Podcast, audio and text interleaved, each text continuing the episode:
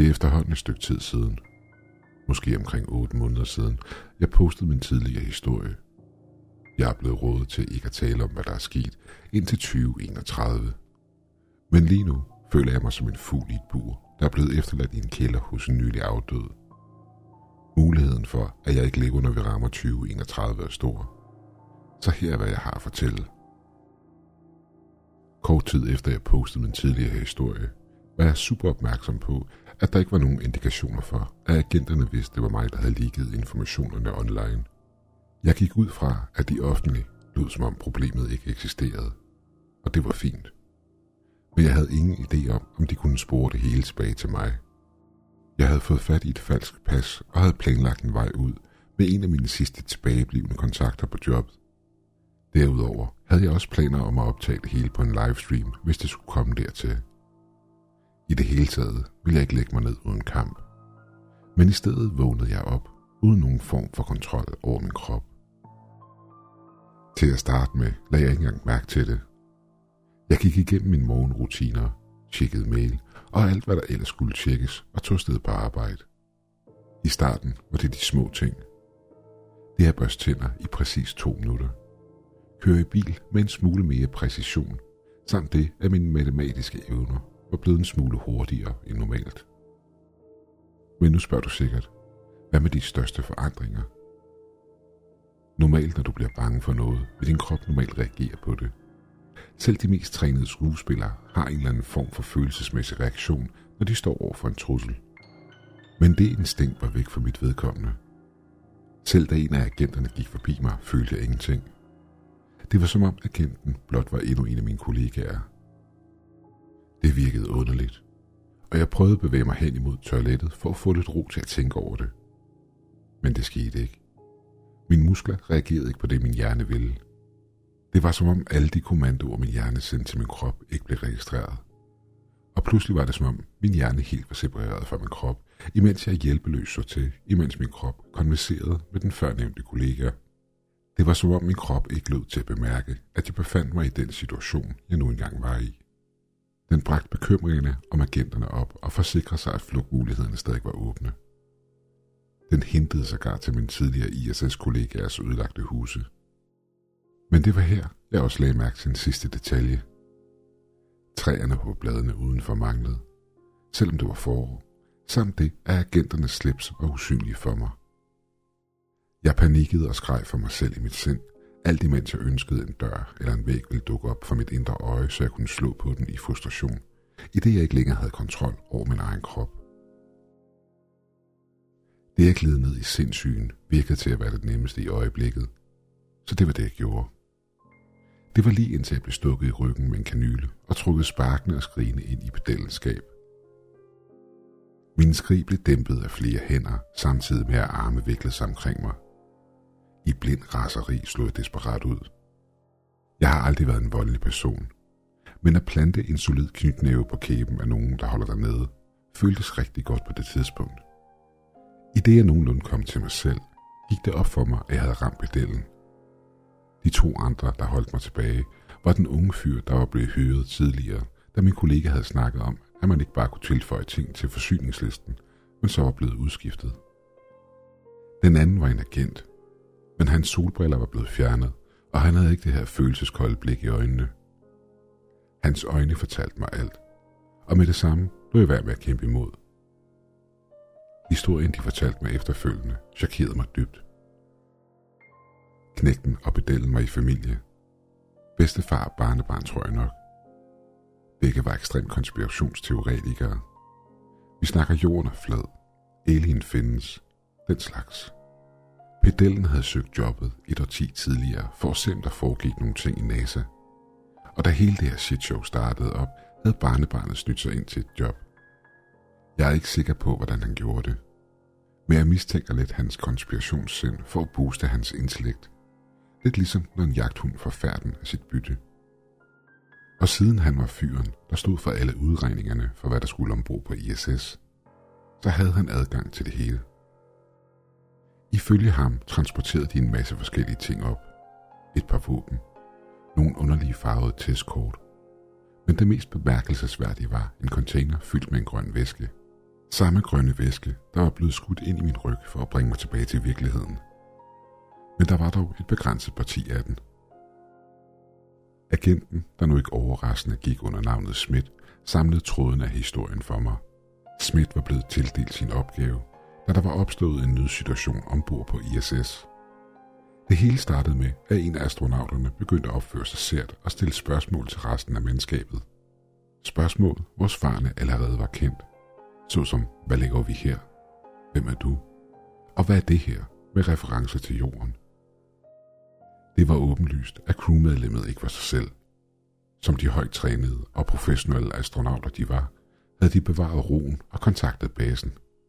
Det, der efterfølgende skete, var en række spørgsmål og eksperimenter, der skulle fastslå, hvad det var, der havde overtaget crewmedlemmet, og bringe ham tilbage til sig selv. Hvilket mislykkedes.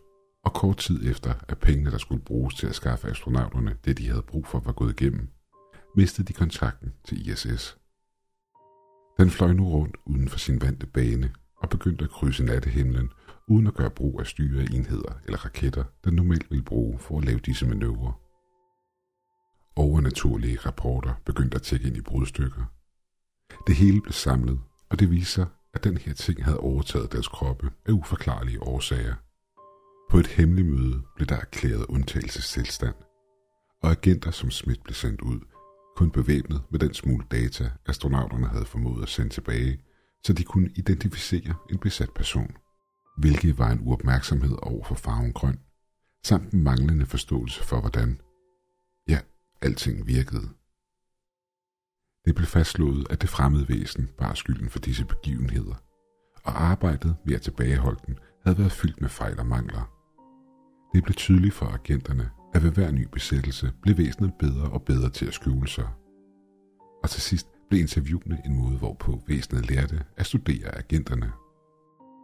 Kort tid efter havde Schmidt fundet sig selv udspille sin rolle, samtidig med, at han som mig havde været fanget i sin egen krop. Og det, der havde bragt ham tilbage, var smerte. Smerte, som konspirationsholdet havde tildelt ham – Oplevelsen havde åbenbart været en stor overraskelse for væsenet, der efterfølgende havde trukket sig tilbage fra sin skade vært. De havde åbenbart fundet ud af det, inden nogen andre, tænkte jeg for mig selv, i det jeg kunne mærke den grønne væske brænde i min blodår. Først skulle der et lille stik til, for at væsenet slap sit tag i mig, og jeg kom tilbage til mig selv. Men væsenet tilpassede sig smerten løbende, og derfor ville den grønne væske langsomt øge smerten i mit blod, så jeg kunne bibeholde kontrollen over min krop. Men det var på lang tid. På et tidspunkt vil smerten blive for stor, eller også vil væsenet tilpasse sig den, så den igen overtog, forklarede Smidt mig, i det han knudede sine hænder i smerte. Jeg vidste ikke, hvad jeg skulle sige eller gøre. Jeg var ikke ham fyren, der gik ind i en rumraket med nerver og stål. Jeg lavede udregninger. Men heldigvis vidste de andre det. De øverste etager var fuldstændig overtaget af væsenet og dens menneskelige dukker. Imens Schmidt havde været under dens kontrol, havde han set sine kollegaer bygge et eller andet.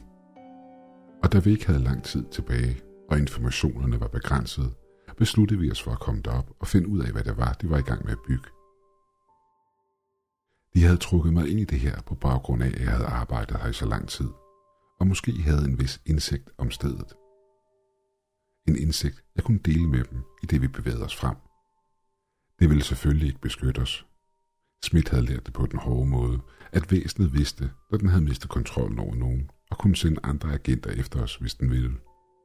Men det, der ville beskytte os, var det store greenscreen lag som konspirationsholdet havde fundet. Det var planen. At dække os selv til med greenscreen som en gruppe af fake YouTube-vloggers – når jeg kigger tilbage på det, er der et vis element af komedie i det.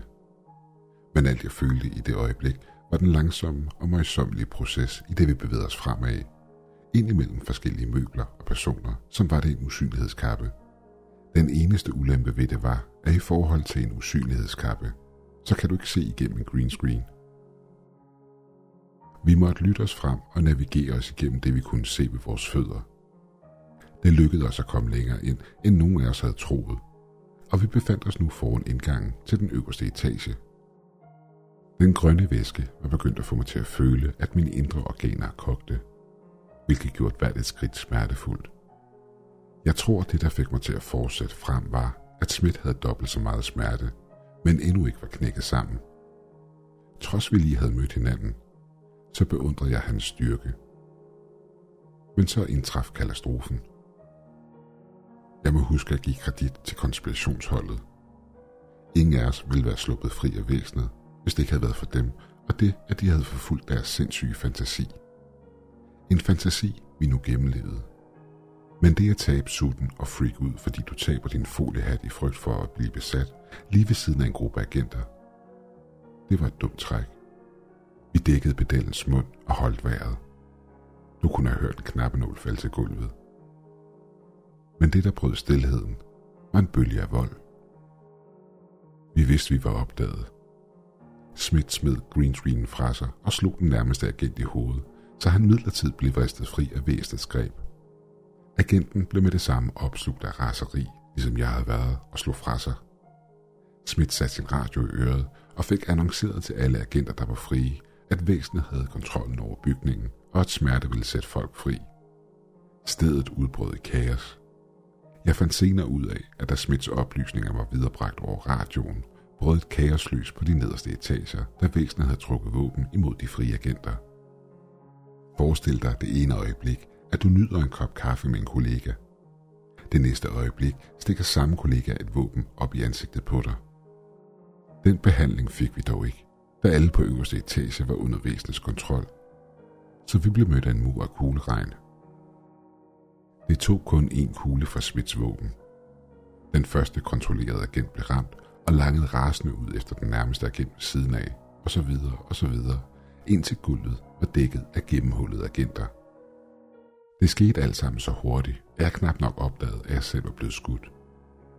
Pedellen lå i en blodpøl på gulvet, imens han dækkede over den unge fyr. Smith tog sig til brystet, hvor tre blodige huller var dukket op. Smerten fra den grønne væske havde nået et punkt, hvor det at blive skudt kun var en lille smule værre. Og nu når vi ikke behøvede at gemme os, stønnede og skreg vi alle sammen i smerte. Men bare tanken om, at væsenet prøvede at kæmpe sig vej tilbage for at få kontrol, var nok til, at jeg sprang til handling. Jeg råbte til den unge fyr, at han skulle se at komme ud herfra, og begyndte at halte mig vej fremad med Smith lige bag mig. Hvordan den mand kunne fortsætte, vil altid være et mysterie for mig. På det her tidspunkt så jeg alt igennem tårer. Dele af væggen og de ledninger, den indholdt, var blevet fjernet og sat ind i midten af etagen, hvor flere af de kontrollerede befandt sig. Det var mine chefer og deres chefer, samt flere af mine kollegaer og venner, der var blevet meldt savnet. Alle stod de bøjet over skrivebordet, imens de nedskrev ting og sorterede materialer fra flere kasser til gulvet. Jeg genkendte straks kasserne som værende dem, der skulle ombord på ISS. Men det, der skilte sig ud fra alt andet, befandt sig i centret af det hele. Det var som et sygeligt og slimet sort net, der var trukket over noget kugleformet, der vred sig i det, det svævede i luften. Inden under netdelen var en serie af sorte former og intet andet. Det begyndte at gå op for mig, hvad den her ting var. Og det, der efterfølgende skete, slog det hele fast. Smith for frem med vreden fra en døende mand, der intet havde tabe. Han hævede sit våben imod væsenet og skreg, at den skulle løslade alle, den havde besat. Da der ikke kom noget svar, åbnede han ild. Eller han prøvede. Hans våben klikkede to gange. I det samme begyndte Smith at reloade sit våben, kun for at finde ud af, at der ikke havde været noget klip i våbnet overhovedet. Våbnet forsvandt pludselig fra hans hånd, og kort tid efter startede Smith med at fade væk. Ja, jeg sagde startede, da det er vigtigt at pointere, hvordan han døde. Det var som om forskellige lag af ham forsvandt. Først hans hud, så hans muskler, så hans knogler, og til sidst hans nervesystem. Alt sammen fjernet fra den her virkelighed. Det værste var dog, at han først stoppede med at skrige, da det sidste af hans krop blev fjernet. Hans skrig ekkoede i alle retninger, inden det fadede helt ud og forsvandt. To følelser skød op i mig. Den første var selvfølgelig en paralyserende erkendelse af, at jeg nu vidste, hvad det generelle koncept af, hvad det her væsen var. Den anden følelse var en paralyserende frygt for det her koncept. Når du tegner en tændstiksmand på et stykke papir, tænker vi ikke meget over det. Den tænker til gengæld heller ikke meget over os, hvis vi nu siger, at den var i live. Den har ingen forståelse for vores eksistens. Den kender til op og ned, højre og venstre. Tændstikmanden kan ikke springe fra papiret og ud i vores tredimensionelle verden uden hjælp fra et menneske. Man har længe teoretiseret over, om der fandtes en fjerde dimension. Og nej, jeg tænker ikke her på tid. Jeg taler om en fjerde rummelig dimension. På min vej til at arbejde for NASA studerede jeg den fjerde dimensions og alle dens teorier, og om hvordan den måske ville se ud, blot som en slags hobby. Den måde Smith forsvandt på, går stort set hånd i hånd med den måde, hvorpå det passer ind med, hvordan den fjerde dimension vil se ud. En teori manifesteret. Det er stod i det rum i en utrolig smerte. Jeg var tændstiksmanden. En tændstiksmand, der ikke kunne opfatte dimensionerne omkring sig, eller for den sags skyld det væsen, der nu stirrede ned på papiret, klar til at viske mig ud. Jeg havde ingen steder at løbe hen, ingen steder at gemme mig. I det øjeblik følte jeg kun, at jeg havde en mulighed. Jeg løb alt, hvad jeg kunne imod den lille del af væsenet, der havde manifesteret sig i centret af rummet og rørt den. Det er ekstremt svært at visualisere for jer, hvad der skete efterfølgende. Jeg faldt og steg igennem et plan af fraktaler. Lys flassede fra ukendte vinkler, og lyde ekkoede igennem mit hoved. Jeg vidste i mit sind, at jeg netop havde kastet mig ind i den fjerde dimension i ren frygt, hvilket jeg havde svært ved at forstå, samt alt det, der var omkring mig. Jeg så ting, sorte sammenlægninger af selve konceptet. Jeg kunne fornemme øjne, der så på mig, i det virkeligheden lukkede sig omkring mig. Og så en anden tilstedeværelse. Jeg fandt mig selv kommunikere, som om nogen havde stukket et stik ind i hovedet på mig og fodret mig med binære koder. Og inden jeg vidste af det, befandt jeg mig i Australien. Solen rejste sig langsomt over havet, og oplyste stranden, jeg var dukket op på. Følelsen af ord fra en firedimensionel skabning, der stadig besatte mit sind, var stadig til stede. Det føltes som en undskyldning og en vrede rettet mod et yngre væsen. Mine øjne blev tvunget til at se mod en myretue et par meter væk. Så så jeg op imod himlen, nu med kontrol over min krop. En hvidglødende komet faldt fra himlen.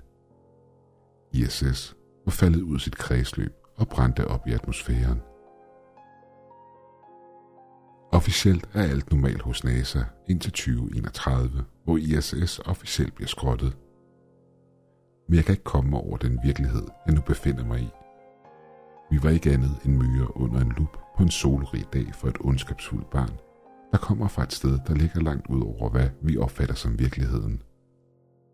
Ikke andet end legetøj i et øjebliks kedsomhed for den – en national katastrofe, der kostede hundredvis af liv.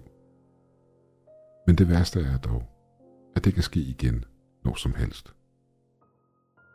Den fjerde dimension eksisterer, og vi kan intet gøre for at stoppe det, der lever i den.